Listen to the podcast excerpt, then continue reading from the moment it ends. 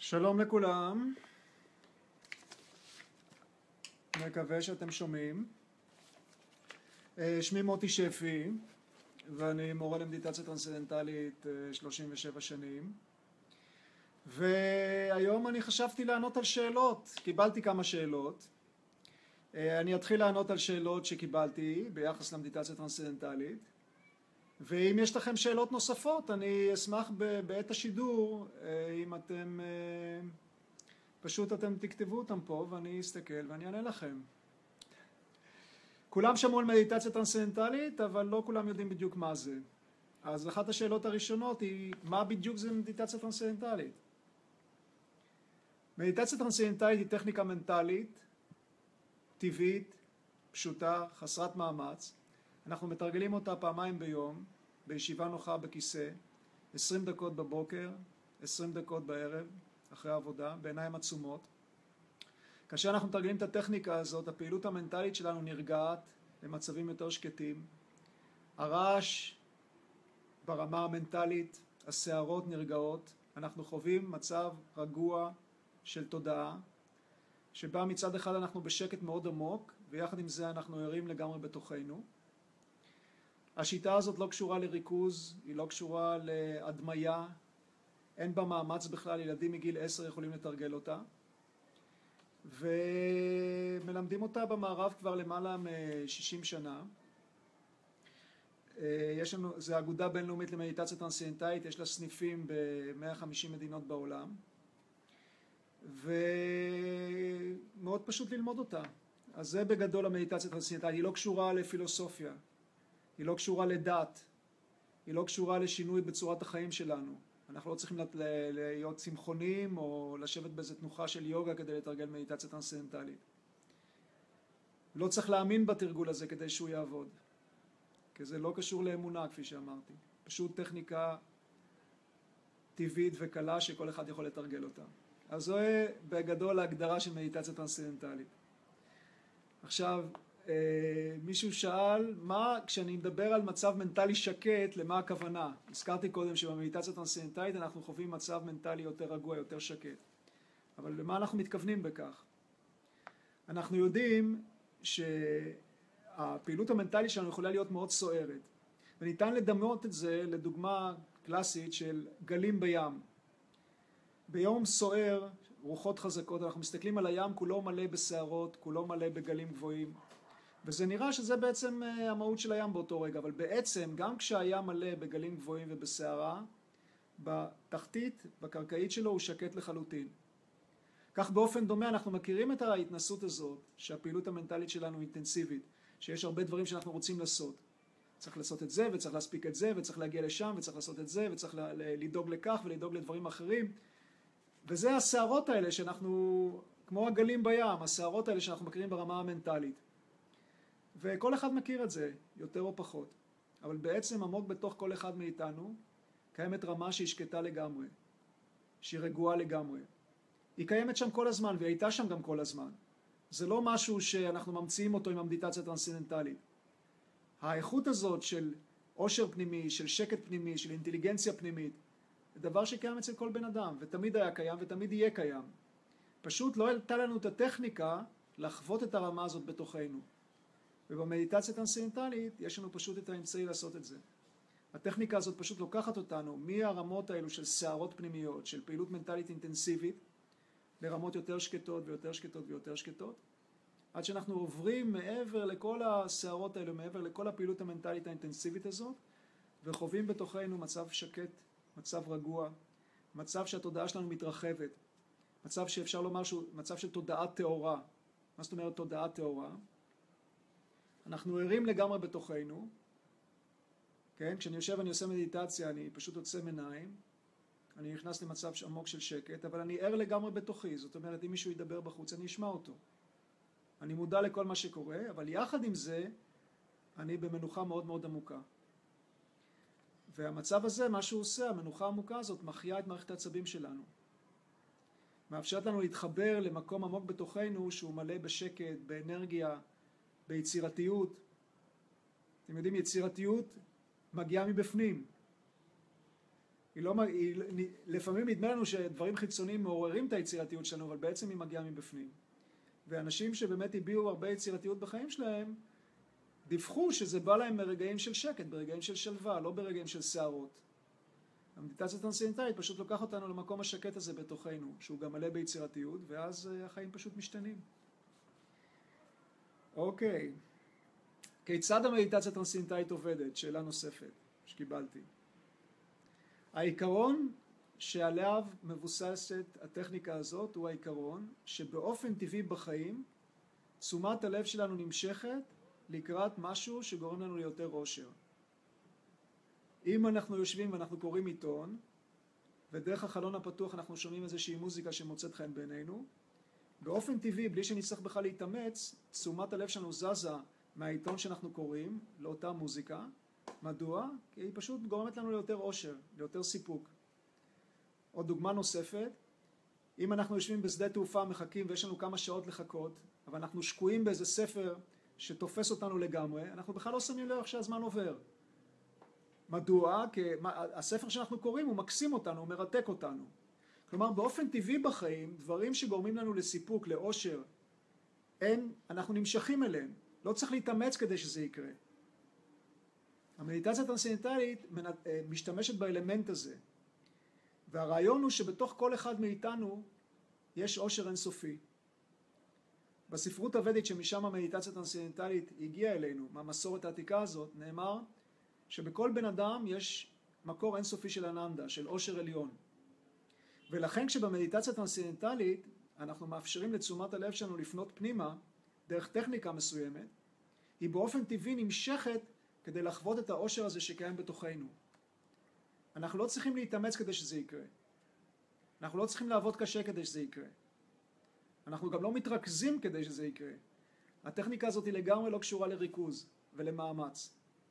אז האלמנט הזה שיש לנו עושר בתוכנו שאנחנו פשוט צריכים לתת לעצמנו את האפשרות לחוות אותו, הוא עומד בבסיס התרגול הזה של המדיטציה הטרנסצנדנטלית. איך אנחנו מגיעים למקום הזה? דרך שימוש במנטרה. אז שאלה, שאלה נוספת שקיבלתי, מהי באמת המנטרה? כולם שמעו על המנטרה הזאת, מה, מה בדיוק, מה המשמעות של המילה מנטרה? מנטרה, הפירוש של המילה מנטרה זה צליל שההשפעה שלו ידועה מראש. אנחנו יודעים שצלילים משפיעים עלינו בצורה מאוד משמעותית, זאת אומרת, יש אנשים שנמשכים למוזיקה מסוג מסוים, יש אנשים שבדיוק אותה מוזיקה לא עושה להם כלום, יש אנשים שצלילים מסוימים מעצבנים אותם, אז חשוב לכן שאם אנחנו משתמשים במדיטציה בצליל כדי לעדן את הפעילות המנטלית שלנו, הצליל הזה יהיה מתאים למערכת העצבים שלנו, וזה המנטרה. מאיפה המנטרות האלה מגיעות אלינו? כשאני מלמד מדיטציה טרנסצנדנטלית, אני לא ממציא אה, איזושהי מנטרה ונותן אותה לבן אדם. המנטרות האלה מגיעות ממסורת מאוד מאוד עתיקה, המסורת הוודית, שהמקור שלה הוא בהודו. הפירוש של המילה ודה זה ידע, אבל לא מדובר כאן על איזשהו ידע אינטלקטואלי שאנחנו קוראים בספר, אלא על ידע טהור שהגיע לאנשים מוארים, לרישים או רועים שחיו בהודו בתקופה הקדומה, והיה להם פשוט את הידע הפנימי אילו צלילים, אילו מנטרות משפיעות על מערכת העצבים שלנו בצורה כזו או בצורה אחרת. הידע הזה עבר ממורה לתלמיד במסורת מאוד ארוכה, אבל הוא הלך לאיבוד כמו הרבה דברים טובים אחרים. והמורה שהחיה מחדש את הידע הזה בדור שלנו, שמו היה סוואמי ברמננדה סרסואטי. הוא היה המורה של מהרישי מהש יוגי. ומהרישי מהש יוגי, אחרי שהמורה שלו עזב את העולם, התחיל ללמד מדיטציה טרנסצנדנטלית, והתחיל לאמן מורים למדיטציה טרנסצנדנטלית, וכל המורים שמלמדים את השיטה הזאת, קיבלו את הידע הזה ממהרישי. הוא לימד אותם איך לבחור לבן אדם את המנטרה שמתאימה לו. אז עוד שאלה שקיבלתי, האם לכל בני אדם יש מנטרה ספציפית שמתאימה להם. אז לא, אין מיליוני מנטרות או ביליוני מנטרות כמו שיש אנשים בעולם. יש מספר מסוים של מנטרות, אבל אתם יודעים, גם סוגי דם, יש כמה? כמה סוגי דם? מספר אה, חמש או משהו כזה, וזה מתאים לכולם. אז זה לא שיש חמש מנטרות, יש הרבה יותר, אבל אה, עוד פעם, המורה יודע בדיוק איך לבחור לבן אדם את המנטרה שמתאימה לו. בן אדם שמחליט שהוא רוצה ללמוד מדיטציה טרנסצנדנטלית, אה, הוא עובר ראיון אישי, הוא ממלא איזשהו טופס עם כל מיני פרטים עליו, ואז המורה מראיין אותו, ועל סמך הרעיון הזה המורה יודע איך לבחור לו את המנטרה המתאימה. אז עוד שאלה כאן שקיבלתי, אה, חוץ מהמנטרה, מה עוד אנחנו לומדים במדיטציה טרנסצנדנטלית? אז המנטרה זה, זה רק צד אחד של העניין. אנחנו צריכים גם לדעת איך להשתמש במנטרה, זה לא מספיק שנקבל מנטרה. אוקיי, אז קיבלנו מנטרה, נו, אז מה עושים איתה? אז בשיעור הפרטי, תמיד לומדים את המדיטציה הטרנסצנדנטלית, השיעור הראשון הוא תמיד שיעור אישי, תמיד, תמיד, תמיד שיעור פרטי. כי כל אחד לומד את השיטה הזאת בקצב שלו, וכל אחד מגיב אחרת גם להוראות שהוא מקבל. זאת אומרת, אם אני מלמד מישהו, ואני נותן, זה הלימוד בשלבים, ואני שואל אותו, אוקיי, מה הרגשת אחרי שלב מסוים? אז מה שמשה יענה זה לא בהכרח מה שרינה תענה, ובהתאם לתשובה אני ממשיך ללמד. זאת אומרת, לכן אי אפשר ללמד את המדיטציה הטרנסצנדנטלית בספר, או דרך וידאו, או דרך אה, משהו ביוטיוב. זה חייב להיות בהוראה אישית, בפגישה אישית בין המורה לבין התלמיד. אז כשבין, קודם כל צריך לשמוע הרצאה על המדיטציה הטרנסצנדנטלית. הרצאת מבוא, בדיוק איך השיטה הזאת עובדת, ובסיום ההרצאה הזאת מי שרוצה מתחיל בצעדים המעשיים של הקורס עצמו. ממלא, כפי שאמרתי, טופס של רעיון אישי, המורה מראיין אותו, ועל סמך הרעיון הזה ועל סמך הדברים שהאדם ציין, המורה יודע איך לבחור לו את המנטרה המתאימה. עכשיו, בשיעור האישי הזה, המורה גם מלמד אותנו איך להשתמש במנטרה, זאת אומרת, איך לחוות את המנטרה ברמות יותר שקטות ויותר שקטות ויותר שקטות. מה, זו, מה זה בעצם המנטרה? המנטרה היא כמו כלי רכב של הרוח. היא כמו איזושהי זווית שמאפשרת לנו לקחת צלילה פנימה כדי לחוות את הרמות היותר שקטות האלה של הפעילות המנטלית שלנו. אתם זוכרים את הדוגמה ש, של הסערות, של הגלים על פני השטח של הים והשקט בקרקעית? המנטרה היא זאת שמאפשרת לנו, היא אותו כלי רכב או הזווית של צלילה שמאפשרת לנו לקחת את תשומת הלב שלנו מהגלים, מהסערות, לרמות השקטות יותר, לרמות הרגועות יותר של הפעילות המנטלית, והיא גם מסייעת לנו לעבור מעבר לכל פעילות מנטלית ולחוות את המצב הזה של תודעה טהורה, מצב שאני בשקט מוחלט, אבל יחד עם זה ער לגמרי בתוכי, שזהו מצב הטרנסצנדנטלי.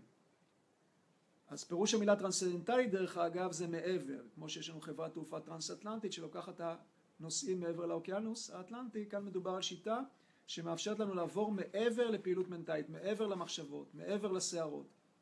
והמנטרה היא הכלי שמאפשר לפעילות המנטלית שלנו להגיע, להגיע לאותם מקומות. אוקיי? אה, עכשיו, אה, בואו נראה מה עוד שאלו אותי כאן. עכשיו, דרך אגב, אחרי שמסיימים את הקורס, הקורס עצמו זה קורס של ארבעה פגישות בארבעה ימים עוקבים. כל פגישה היא בערך אה, שעה, שעה וחצי. הפגישה הראשונה היא פגישה אישית, אדם לומד את המדיטציה מהמורה, חוזר הביתה, כבר מתרגל אותה לבד, בישיבה נוחה בכיסא או באיפה שהוא רוצה לשבת, בעיניים עצומות, ולמחרת ובמשך אה, שלושה ימים אחרי הפגישה הראשונה, נפגשים כבר בקבוצה קטנה, ועל סמך ההתנסות שלכם בבית בתרגול של המדיטציה, המורה נותן אינפורמציה נוספת, הבנה אינטלקטואלית יותר על ההיבטים השונים של התרגול. עכשיו, הקורס הזה, ברגע שאדם מסיים אותו, יש לו את הידע מלא איך לתרגל מדיטציה טרנסצנדנטלית בצורה עצמאית פעמיים ביום בבית. אבל, אבל אנחנו עדיין ממשיכים לתת שירותים למי שמעוניין כדי לוודא שהוא אכן מתרגל את המדיטציה בצורה נכונה. עוד פעם, זה מאוד פשוט לתרגל מדיטציה טרנסצנדנטלית. ילדים מגיל עשר כבר מתרגלים אותה בלי בעיות בכלל, כי היא כל כך פשוטה וטבעית.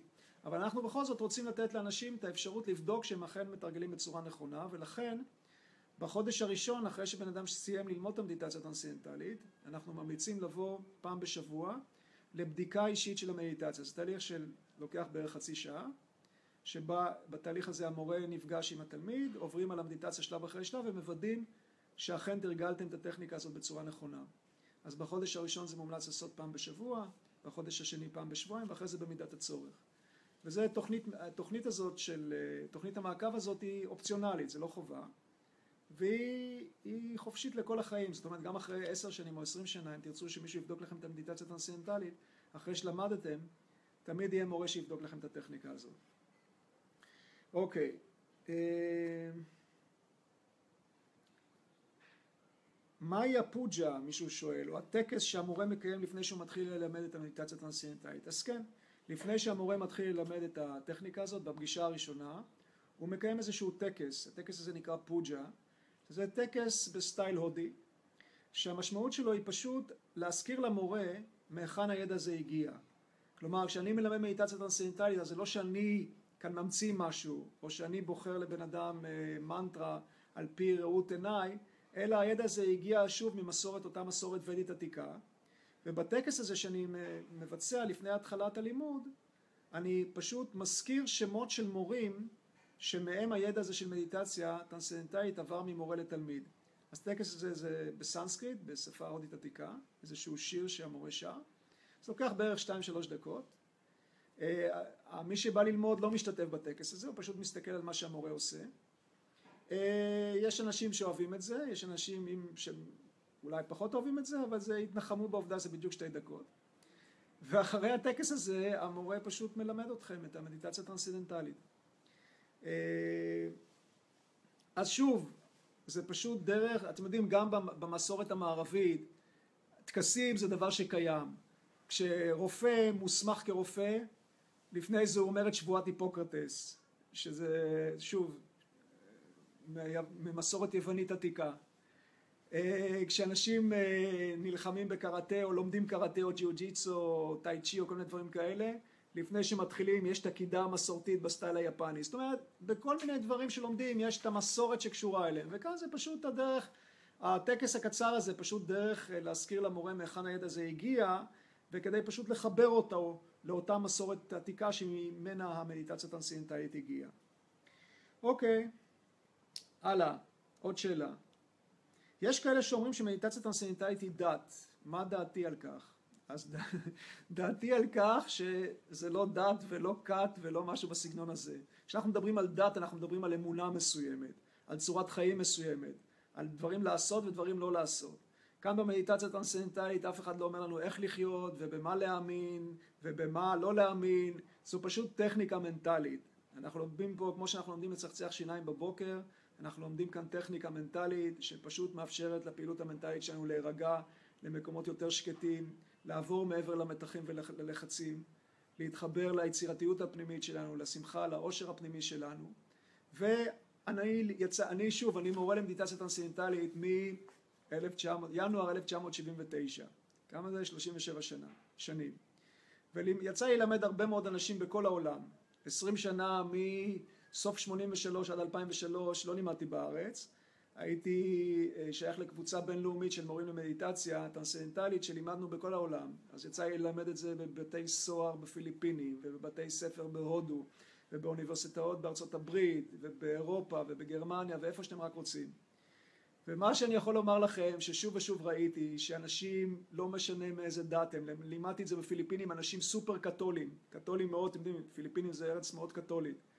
אנשים מאוד מאוד קתולים אדוקים, לימדתי את זה הינדו, הינדואים, לא הינדואים, הינדואיסטים אה, בהודו, לימדתי גם אנשים מוסלמים, גם פה בארץ, אה, למדו לא מעט אה, ערבים מוסלמים את הטכניקה הזאת, לימדתי אנשים דתיים עם כיפה ולפעמים גם עם זקן עד הברכיים, לא עד הברכיים אבל עד באורך רציני.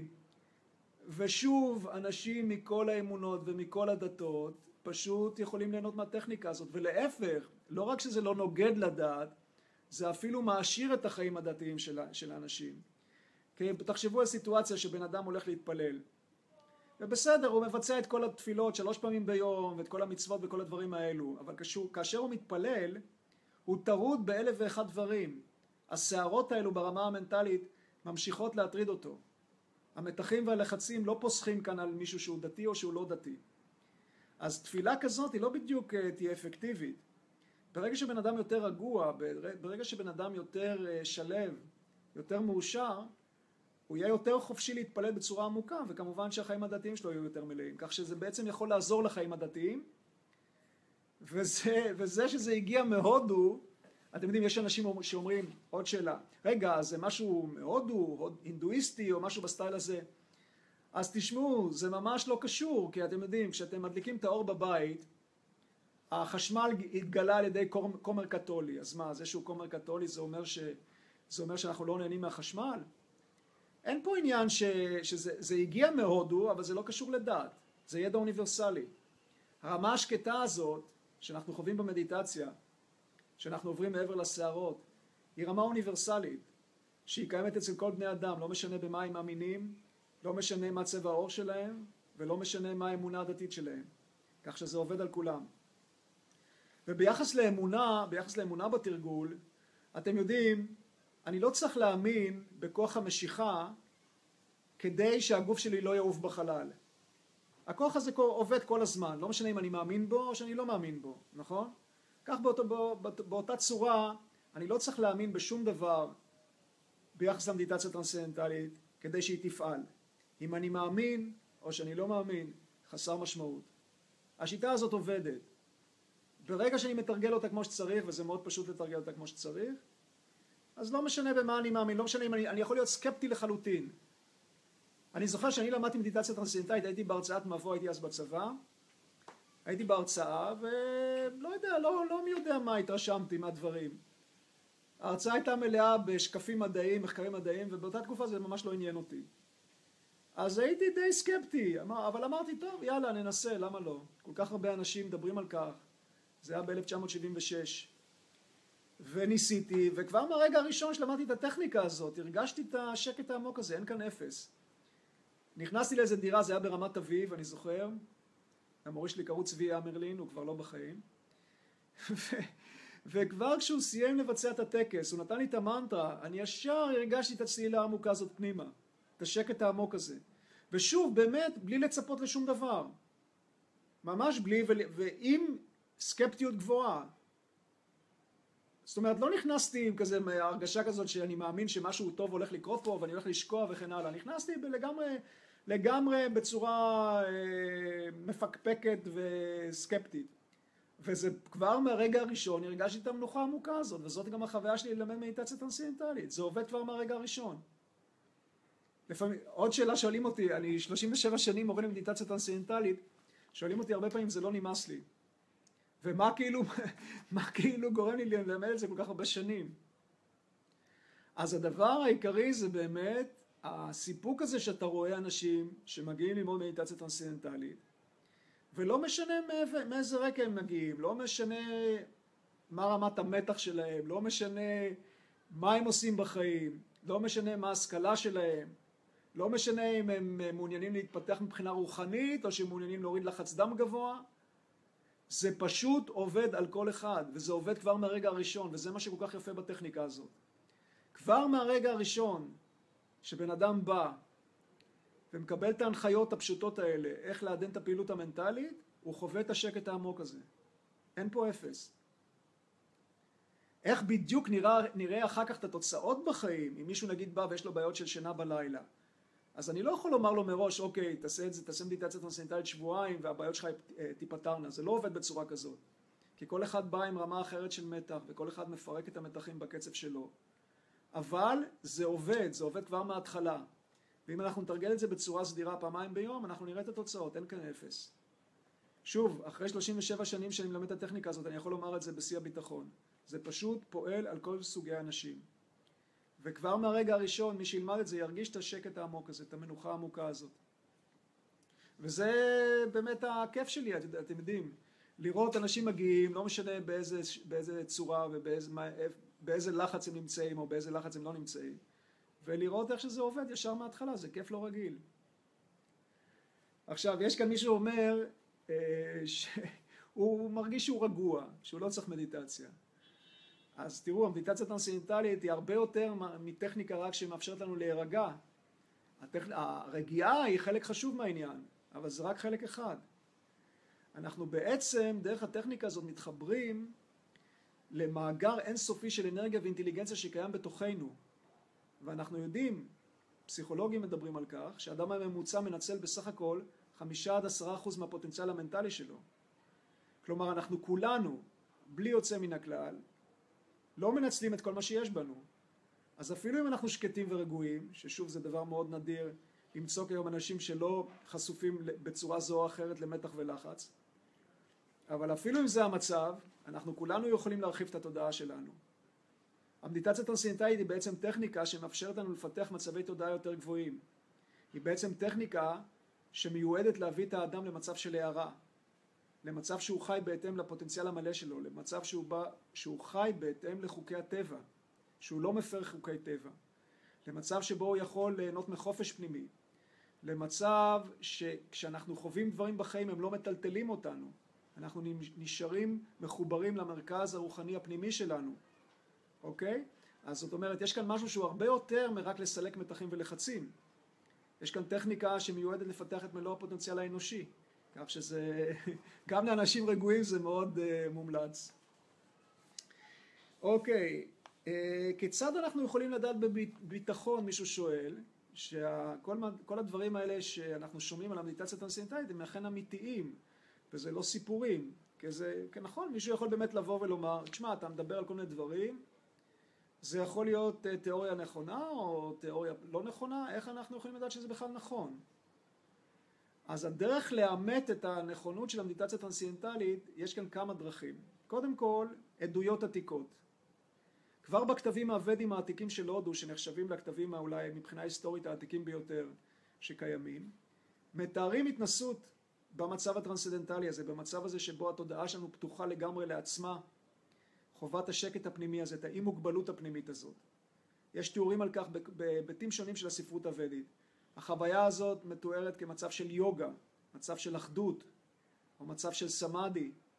החוויה הזאת מתוארת בכתבים הוודים כחוויה שבה אנחנו חווים את העצמי הגבוה שלנו, את האטמן זה נקרא, את האי מוגבלות הזאת שקיימת בתוכנו, שזה לא העצמי האינדיבידואלי שחושב אני רוצה את זה ואני אוהב את זה וזה שלי וההוא שלי, אלא ממשות יותר רחבה, יותר בלתי מוגבלת שקיימת בתוכנו. ושוב, הספרות הזאת מלאה בתיאורים כאלו. ולא רק הספרות הוודית של הודו, החוויה הזאת מתוארת בכל המסורות הרוחניות, או גם במסורות לא רוחניות בעולם. שקוט ודע כי אני אלוהים, או הרפה ודע כי אני אלוהים. מה הכוונה הרפה ודע? תרפה את הכל. כנס לשקט הזה. ובתורה אפשר למצוא כל מיני ביטויים כאלה, למשל במה שעכשיו קופץ לי לז... לזיכרון בהקשר הזה, בספר בראשית, כשאדוני אומר לאברהם, לך לך מארצך וממולדתך ומבית אביך. הפרשן בזוהר אומר, מה הכוונה לך לך? לך לעצמך. לך לאני הפנימי הזה שקיים בתוכך. לא לאגו האינדיבידואלי הזה שכל הזמן אומר אני ואני ואני. כך שגם בכתבי הקודש בדתות שונות זה עניין של אינטרפטציה, איך אנחנו מבינים את הדברים. התיאור של החוויה הזאת נמצא בדאואיזם, בטאו, הוא נמצא אצל אפלטון, סליחה, הוא נמצא אצל, בתיאורים פילוסופיים, פילוסופים הפרה-סוקרטיים מדברים על זה, פלוטינוס, שפינוזה, הרבה מאוד אנשים דיברו על החוויה הזאת, לא רק בהודו. והוגי דעות, פילוסופים, משוררים,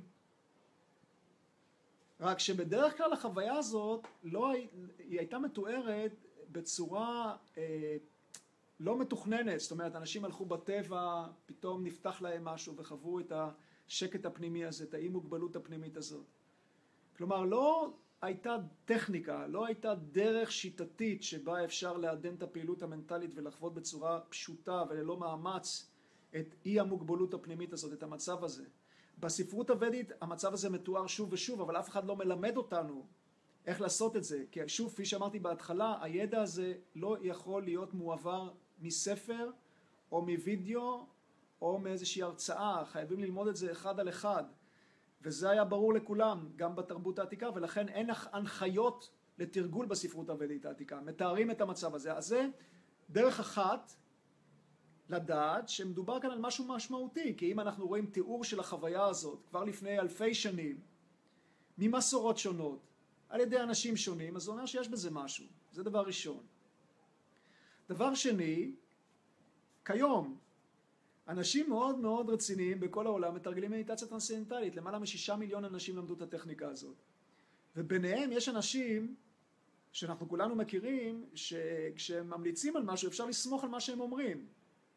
ואני יכול לתת לכם שמות מפה ועד הודעה חדשה.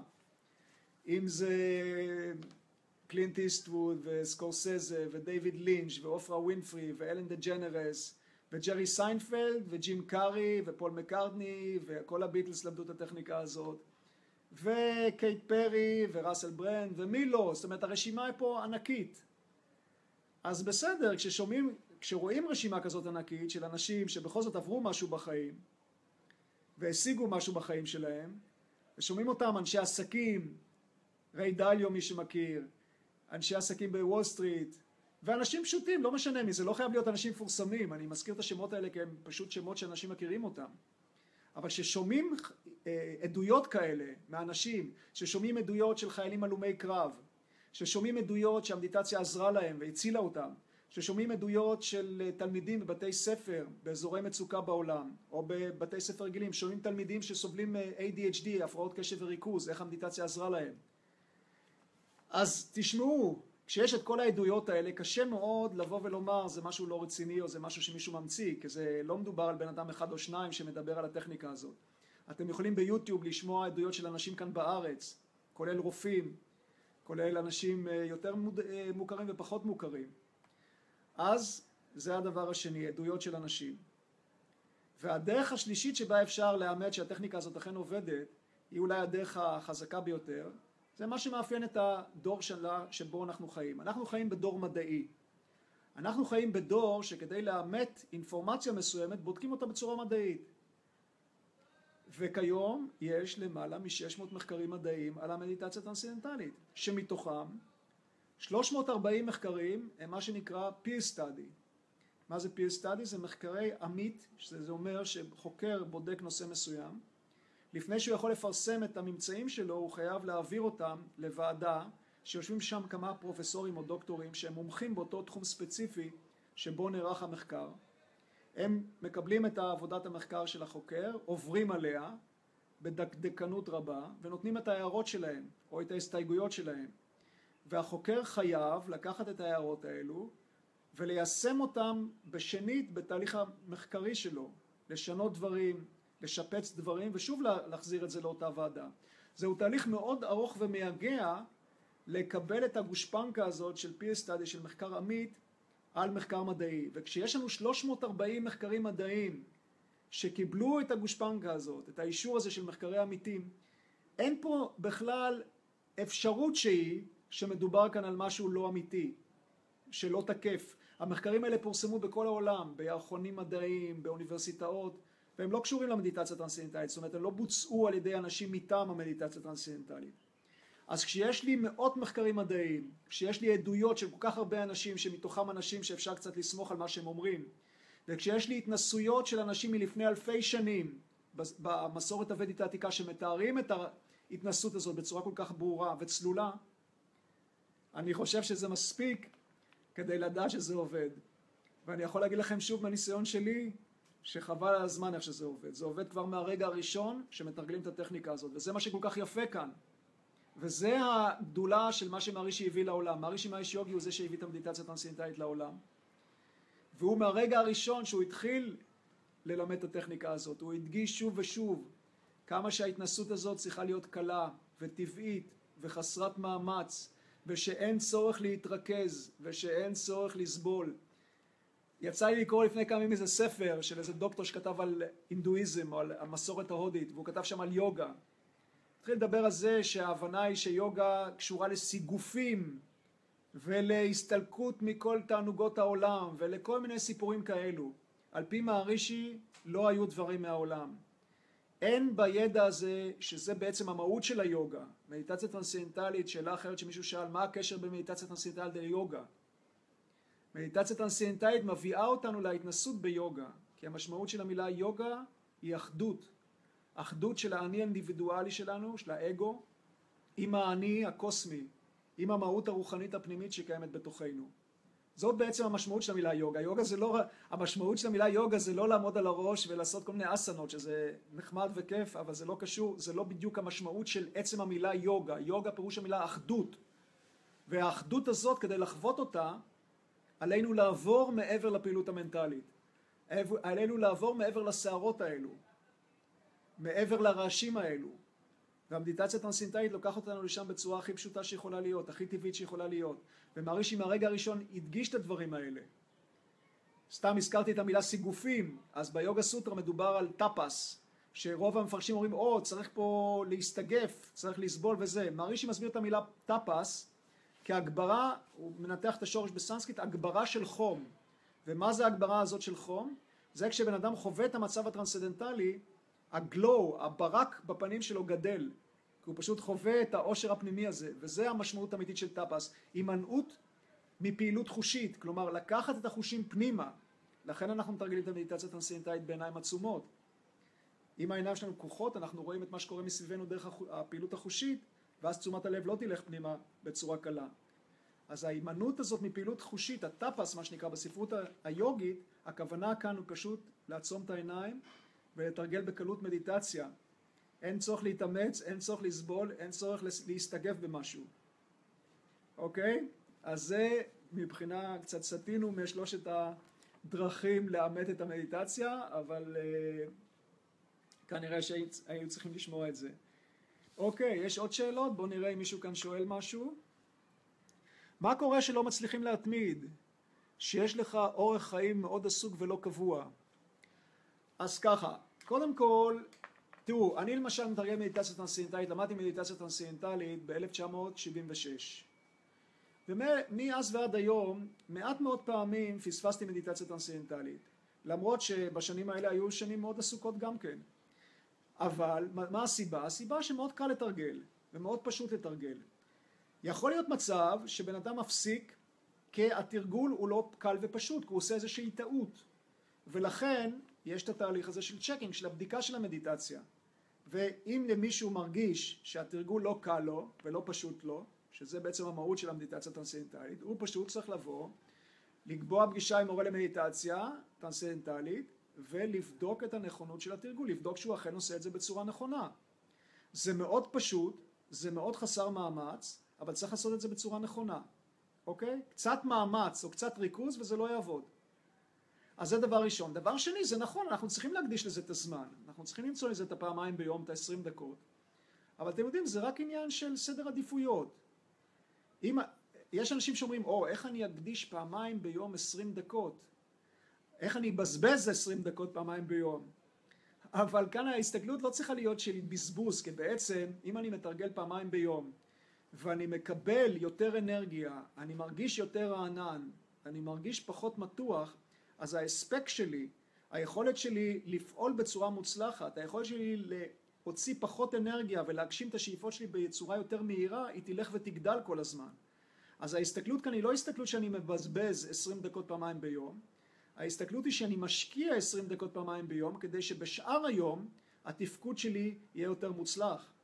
כדי שבשאר היום, במקום להיות מלא במתח ולחץ, אני אהיה ברמה יותר רגועה שתאפשר לי לפעול בצורה יותר נכונה. עוד שאלות. ואם אני עושה, אם את עושה 15 דקות אריאלה, אז תעשי 15 דקות, אין בעיה, את יכולה לעשות, תראי, התרגול, התרגול האידיאלי זה 20 דקות, אבל עוד פעם, יש מקרים שהמורה ממליץ באמת לעשות 15 דקות. אם 15 דקות זה מה שמתאים לך וזה מה שהמורה שלך המליץ לך, אז תעשי 15 דקות. אבל תעשי בצורה קבועה, תעשי פעמיים ביום ואת תראי את התוצאות, אין פה אפס. צריך להיות מסודר, זאת אומרת, ביוגה סוטרה של פטנג'לי הוא אומר, התוצאות מהתרגול הן תהיינה בפרופורציונליות למה שאנחנו משקיעים. אז צריך להיות כאן רציני ולתרגל את זה פעמיים ביום, אבל התרגול צריך להיות קל. עוד פעם, אני חוזר ומדגיש את זה. אם משהו לא קל, אז זה אומר שאנחנו מתרגלים בצורה לא נכונה. וצריך לבדוק את זה. עוד שאלות?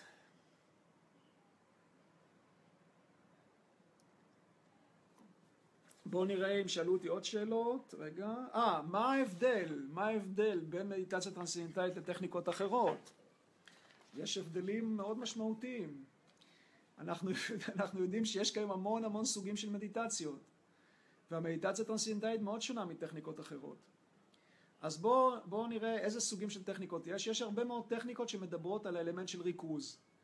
אז זה יכול להיות ריכוז בנשימה, כמו לדוגמה בוויפאסנה, זה יכול להיות ריכוז באיזה צ'קרה בגוף, כמו שיש שיטות אחרות, זה יכול להיות ריכוז באיזושהי נקודה אה, חיצונית, שלהבת של נר, אה, צורה גיאומטרית, אבל האלמנט של ריכוז הוא כאילו דומיננטי בשיטה.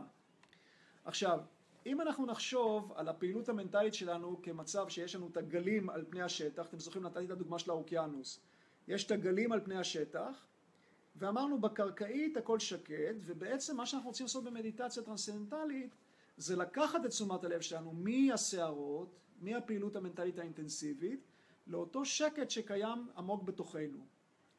עכשיו, אם אנחנו נתרכז בנקודה אחת, בדוגמה הזאת, זה יהיה כמו להתרכז בנקודה על פני הגלים. ברגע שהמחשבה שלי מתרכזת, ברגע שהפעילות המנטלית שלי מרוכזת בנקודה מסוימת, אין משהו שיאפשר לרוח שלי להתרחב, ל mind שלי להתרחב, שזה בעצם מה שקורה במדיטציה הטרנסצנדנטלית, לכן היא נקראת טרנסצנדנטלית. ברגע שאני מרוכז אני נמצא בנקודה אחת ספציפית. עכשיו, לטכניקות של ריכוז יש אולי את החשיבות שלהם כי הן ממקדות אולי את החשיבה שלנו ובאמת במחקרים שבדקו פעילות חשמלית במוח אצל אנשים שתרגלו טכניקות של ריכוז מצאו שהמוח יוצר גלי גמא ותטא שזה גלים שהם באמת מצביעים על מיקוד ויש להם, שוב, כפי שאמרתי קודם, יש לזה, זה לא שאני שולל את הכל, יש בזה חשיבות אה, בפני עצמה, כי אם אני יותר ממוקד ומרוכז, אז זה יכול לעזור לי בחיים. אבל גלי גמא ותטא הם לא גלים שמצביעים על רגיעה פנימית, זאת אומרת אנחנו יכולים עדיין להיות בסערות פנימיות, הגלים יכולים להיות סוערים ואנחנו עדיין, המוח ייצר גלי גמא ותטא. במדיטציה טרנסצנדנטלית מצאו שהמוח יוצר גלי אלפא, זה גלים שמצביעים על ערנות נינוחה, אותו מצב שמצד אחד אנחנו בשקט עמוק, ברגיעה עמוקה, ויחד עם זה אנחנו בערנות פנימית. כלומר שגם מבחינה פיזיולוגית מדובר כאן על שיטה שונה, על אפקט שונה במוח, כאשר אנחנו מתרגלים מדיטציה טרנסצנדנטלית. עכשיו לעצם העניין, קצת מבחינה יותר פילוסופית. מדוע יש אנשים שמדברים על כך שחיוני להתרכז במדיטציה? מה גרם למורים אה, רוחניים לדגול בשיטות כאלה שיש בהם ריכוז? אז בדרך כלל ההנחה היא אה, של אותם מורים שהפ... שהנטייה הטבעית שלנו בחיים, של ה mind שלנו, של הרוח שלנו, היא כל הזמן לזוז ולנוע מנקודה לנקודה. במסורות בודהיסטיות, זן בודהיסטיות, מדברים על כך, נותנים את הדוגמה הזאת שהרוח שלנו היא כמו איזה קוף שכל הזמן קופץ מעץ לעץ, מענף לענף בחוסר שקט. ואם אכן זאת הנטייה הטבעית של הרוח, כפי שאותם מורים טענו, אז יכול להיות שזה באמת הגיוני להגיד אוקיי אז בואו נלך ונתרכז בנקודה אחת כי זה ייצב את הפעילות המנטלית שלנו. אבל מערישי מאש יוגי שהביא את המדיטציה הטרנסצנדנטלית טען שלא, יש כאן טעות. ומה הטעות לדעתו? זו אותה טעות הוא אומר של בן אדם שמתבונן בדבורה ורואה שהדבורה עפה מפרח לפרח ומסיק מכך שמעצם טבעה הדבורה אוהבת לזוז ולנוע ממקום למקום. הדבורה נעה מפרח לפרח היא שהיא מחפשת צוף. ברגע שהיא מוצאת פרח שיש בו צוף היא יושבת עליה וחיפושיה תמו, תמו, היא מרגישה נהדר, נהנית מהצוף. אז מרישי אומר, זה נכון שתשומת הלב שלנו זזה מאובייקט לאובייקט, אולם הסיבה לכך היא שהיא מחפשת אננדה, היא מחפשת עושר. וברגע שבמדיטציה טרנסצנדנטלית אנחנו נותנים לתשומת הלב שלנו את ההזדמנות לפנות פנימה על ידי השימוש במנטרה, תשומת הלב שלנו נמשכת באופן אוטומטי פנימה, בלי להתאמץ בכלל, כדי לחוש את העושר הזה שקיים בתוכנו. כי כפי שאמרנו קודם, כולנו רוצים להיות יותר מאושרים. ולא צריך להתאמץ כדי שזה יקרה, לא צריך להתרכז שזה יקרה, ולכן במדיטציה הטרנסצנדנטלית אין אפילו אחוז אחד של ריכוז. אז זה הבדל אחד בין מדיטציה טרנסצנדנטלית לשיטות שמדברות על ריכוז. יש שיטות אחרות שמדברות על כך שלשים תשומת לב על הפעילות המנטלית שלנו, על כל מיני חוויות שאנחנו עוברים בגוף, מיינדפולנס, אתם מכירים? שמעתם בטח? לשים לב לתחושות, לשים לב לפעילות מנטלית, לא ללכת לאיבוד בתוך החוויה הזאת, פשוט לצפות בה, לצפות ביחס שביני לבין הסביבה שלי, ביני לבין תחושות שאני חווה. אבל גם בטכניקה כזאת שאני צופה בתכנים מנטליים, או שאני צופה בתחושות שאני חווה בגוף, אני עדיין נשאר על פני השטח, אני עדיין נשאר ברמה של הגלים, אין לי משהו שמאפשר לי לצלול פנימה, לעבור מעבר לתחושות האלו, לעבור מעבר ליחס הזה שבין הגוף שלי לבין הסביבה, לחוות את המצב הטרנסצנדנטלי. אז מעצם המילה טרנסצנדנטלי, מדיטציה טרנסצנדנטלית, אתם רואים כאן, את, אפשר להבין מה השוני הגדול. טרנסצנדנטלי, עוד פעם, הכוונה לעבור מעבר, מעבר לתחושות האלו, מעבר לרגשות, מעבר לפעילות מנטלית, מעבר לריכוז, מעבר לכל העניינים האלה, ולחוות את האי מוגבלות הפנימית הזאת, השקט הפנימי הזה. וזה דבר אחר לגמרי. וזה דבר קל מאוד. ושוב, זה יכול להישמע לאנשים שרגילים לטכניקות של ריכוז ודברים כאלה, זה יכול להישמע אה, מוזר שאני אומר שזה קל מאוד. אבל תאמינו לי שזה מבוסס על התנסות אישית ועל זה שלימדתי כל כך הרבה אנשים וראיתי, זה באמת קל מאוד, זה באמת חסר מאמץ לחלוטין. וזה מה שיפה בשיטה הזאת. זה גם שונה דרך אגב מטכניקות של הדמיה, דמיון מודרך. אתם יודעים, דמיון מודרך, יושבים, המורה מנחה משהו, ואז אתם חושבים, אתם מדמיינים לעצמכם שאתם אה, ציפור שיר, או פרפר ברוח, או אהבה, או שקט, או כל מיני דברים כאלה, שומעים מוזיקה נעימה. אבל גם כשאנחנו מדמיינים משהו, אנחנו עוסקים בתכנים שיש להם משמעות. ומשמעות קשה לעדן. למנטרה שאנחנו לומדים במדיטציה טרנסצנדנטלית אין משמעות. אנחנו משתמשים בה כצליל, וצליל הרבה יותר קל לעדן מאשר משמעות, כי אני יכול לצעוק את הצליל, נאמר פרח, אוקיי? אז אני יכול לצעוק פרח, את המילה פרח, ואני יכול ללחוש את המילה פרח, אבל אם אני מתייחס למשמעות שיש במילה פרח, המשמעות תמיד נשארת סטטית, היא לא משתנה.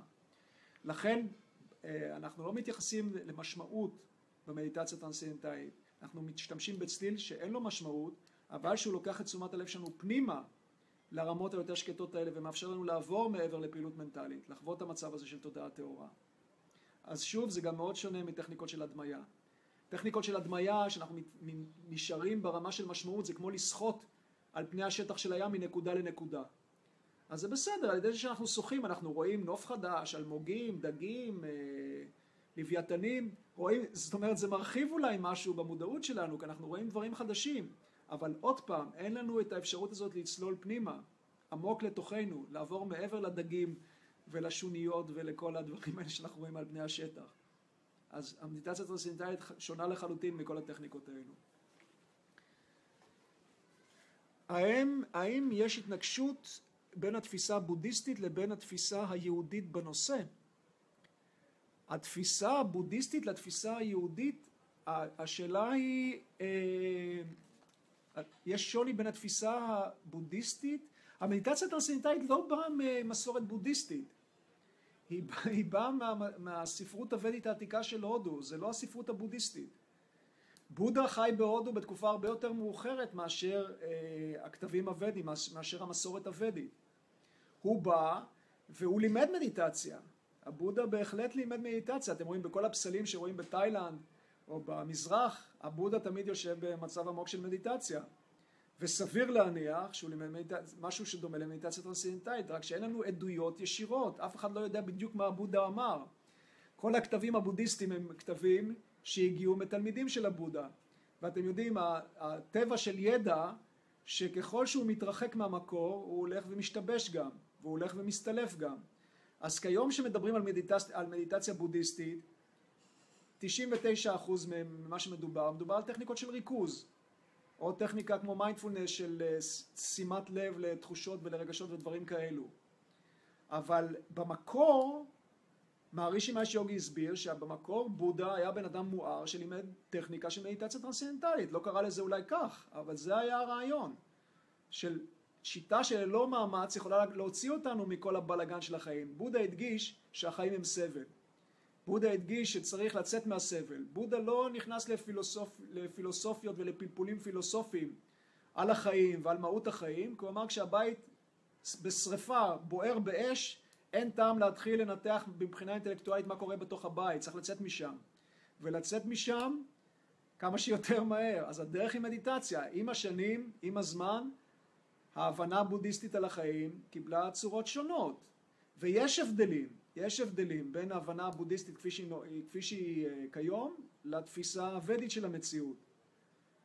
ההבנה הבודהיסטית שאין דבר שהוא קבוע, אין אני שהוא נצחי, אין מה שנקרא תאטמן שזה האני הגבוה שלנו. האני נמצא כל הזמן על פי הגישה הבודהיסטית בהשתנות אינסופית. התחום היחסי של החיים כל הזמן משתנה בלי הפסק. הגישה הוודית מסכימה, היא אומרת נכון, בתחום היחסי של החיים יש שינוי אינסופי.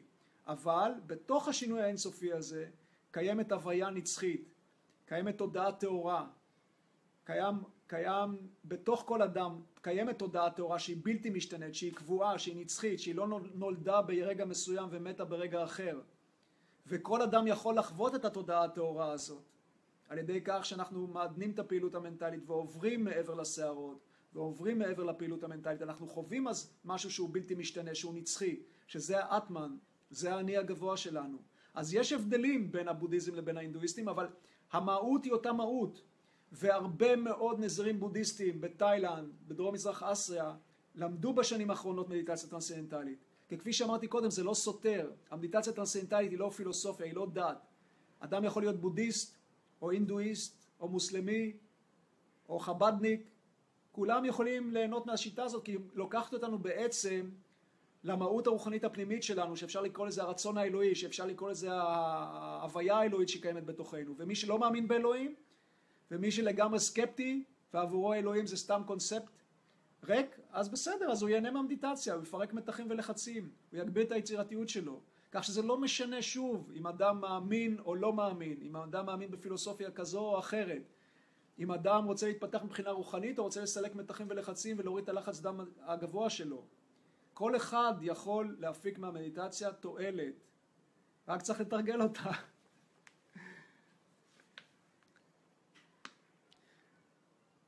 התפיסה היהודית, גם ביהדות, שוב, כפי שאמרתי בהתחלה, גם ביהדות, אם אנחנו קוראים את התנ"ך, אם אנחנו מסתכלים בכתבים קבלים מהזווית הזאת, אז מדברים שם על העניין של הפניה של פנימה, על העניין של התכנסות שקוט, ש...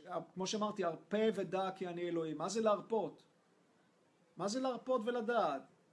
האדם, נב... זה מדיטציה, לתרגל מדיטציה, להרפות מכל הבלגן, מכל הסערות. מה זה האדם נברא בצלם אלוהים? מה הכוונה צלם אלוהים? זאת אומרת שבתוך כל אחד מאיתנו קיימת ממשות מוחלטת, אפשר להגיד אלוהית, או אפשר להגיד לקרוא לזה איך שאנחנו רוצים, ואנחנו יכולים לחוות את הממשות הזאת. אז הידע הזה קיים בכל הדתות, גם בברית החדשה, ישו מדבר על כך שמלכות האלוהים נמצאת בתוכנו. וקודם כל עלינו לדעת את מלכות האלוהים, ורק אחרי זה כל שאר הדברים יינתנו לנו. מה זאת מלכות האלוהים הזאת? זהו המצב הטרנסצנדנטלי, זהו המצב שעומד מעבר לרעשים, מעבר לסערות.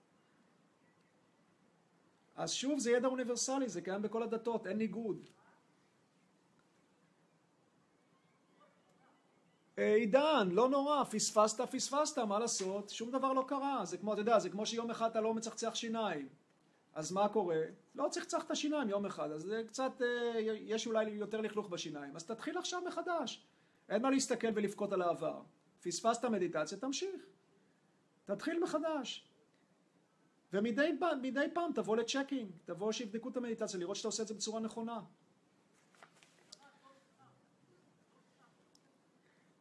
אריאלה, אם טלפון מפריע, אז פשוט לא מתייחסים.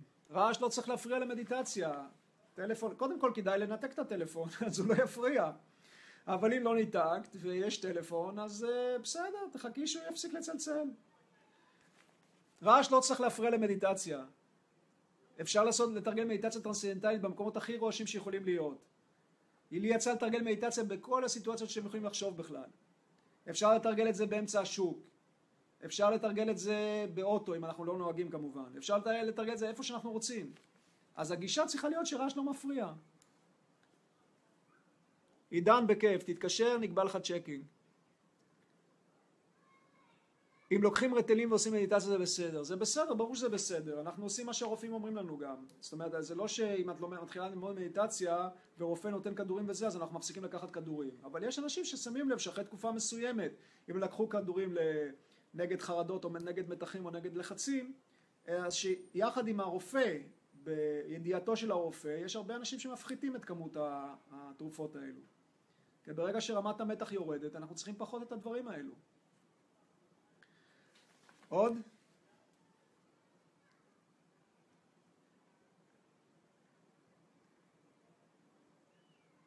בואו נראה אם יש כאן עוד שאלות. אה, כן, אני לא רואה פה עוד שאלות. אז אה, שוב, שמחתי לדבר, ואתם יודעים, אבל זה עדיין דיבורים. אפשר לדבר שעות על שעות על כל מיני דברים, על תותים, כמה שהם טעימים. עכשיו זה לא עונה של תותים, אז מה, על מנגו, כמה שמנגו זה דבר טעים, בסמוטי, בגלידה או וואטאבר, אבל כל עוד אנחנו לא אוכלים את המנגו, אנחנו לא יודעים בדיוק במה מדובר. אז פשוט צריך לתרגל. צריך לתרגל את זה פעמיים ביום, אז אתם כולכם מוזמנים לשמוע על כך יותר, לבוא להרצאת מבוא ששם הדברים מוצגים בצורה יותר מסודרת, ולהירשם לקורס. אשמח לשמוע מכם, אני אשים אחר כך את מספר הטלפון שלי, מי שמעוניין יותר פרטים מוזמן להתקשר, ותתחילו, ואתם תראו כמה שזה קל. תראו שלא הגזמתי בכלום כשאמרתי שזו טכניקה קלה ופשוטה וחסרת מאמץ. כי באמת אין צורך להתאמץ בדרך הזאת. אין צורך להתאמץ כדי להירגע, אין צורך להתאמץ כדי לסלק מתחים, אין צורך להתאמץ כדי להתפתח מבחינה רוחנית, כדי להתחבר למקום השקט הזה בתוכנו.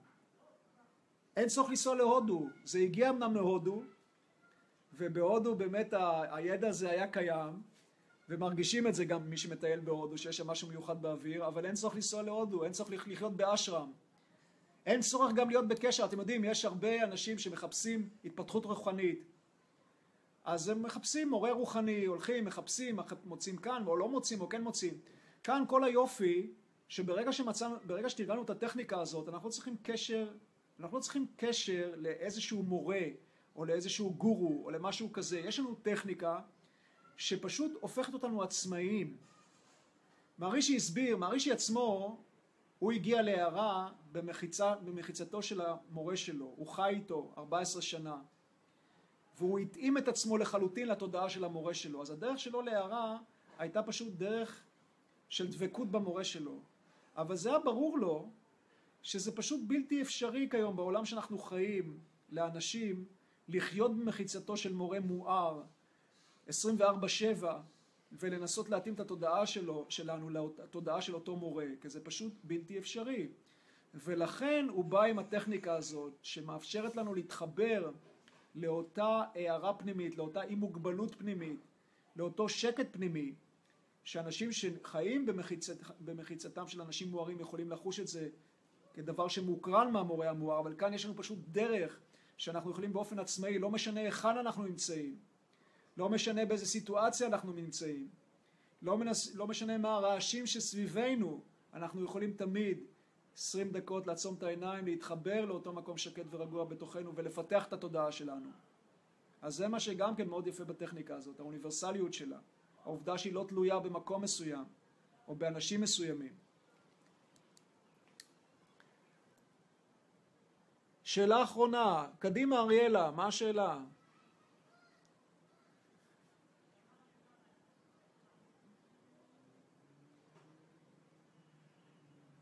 אריאלה, אני מחכה לשאלתך. איך אני?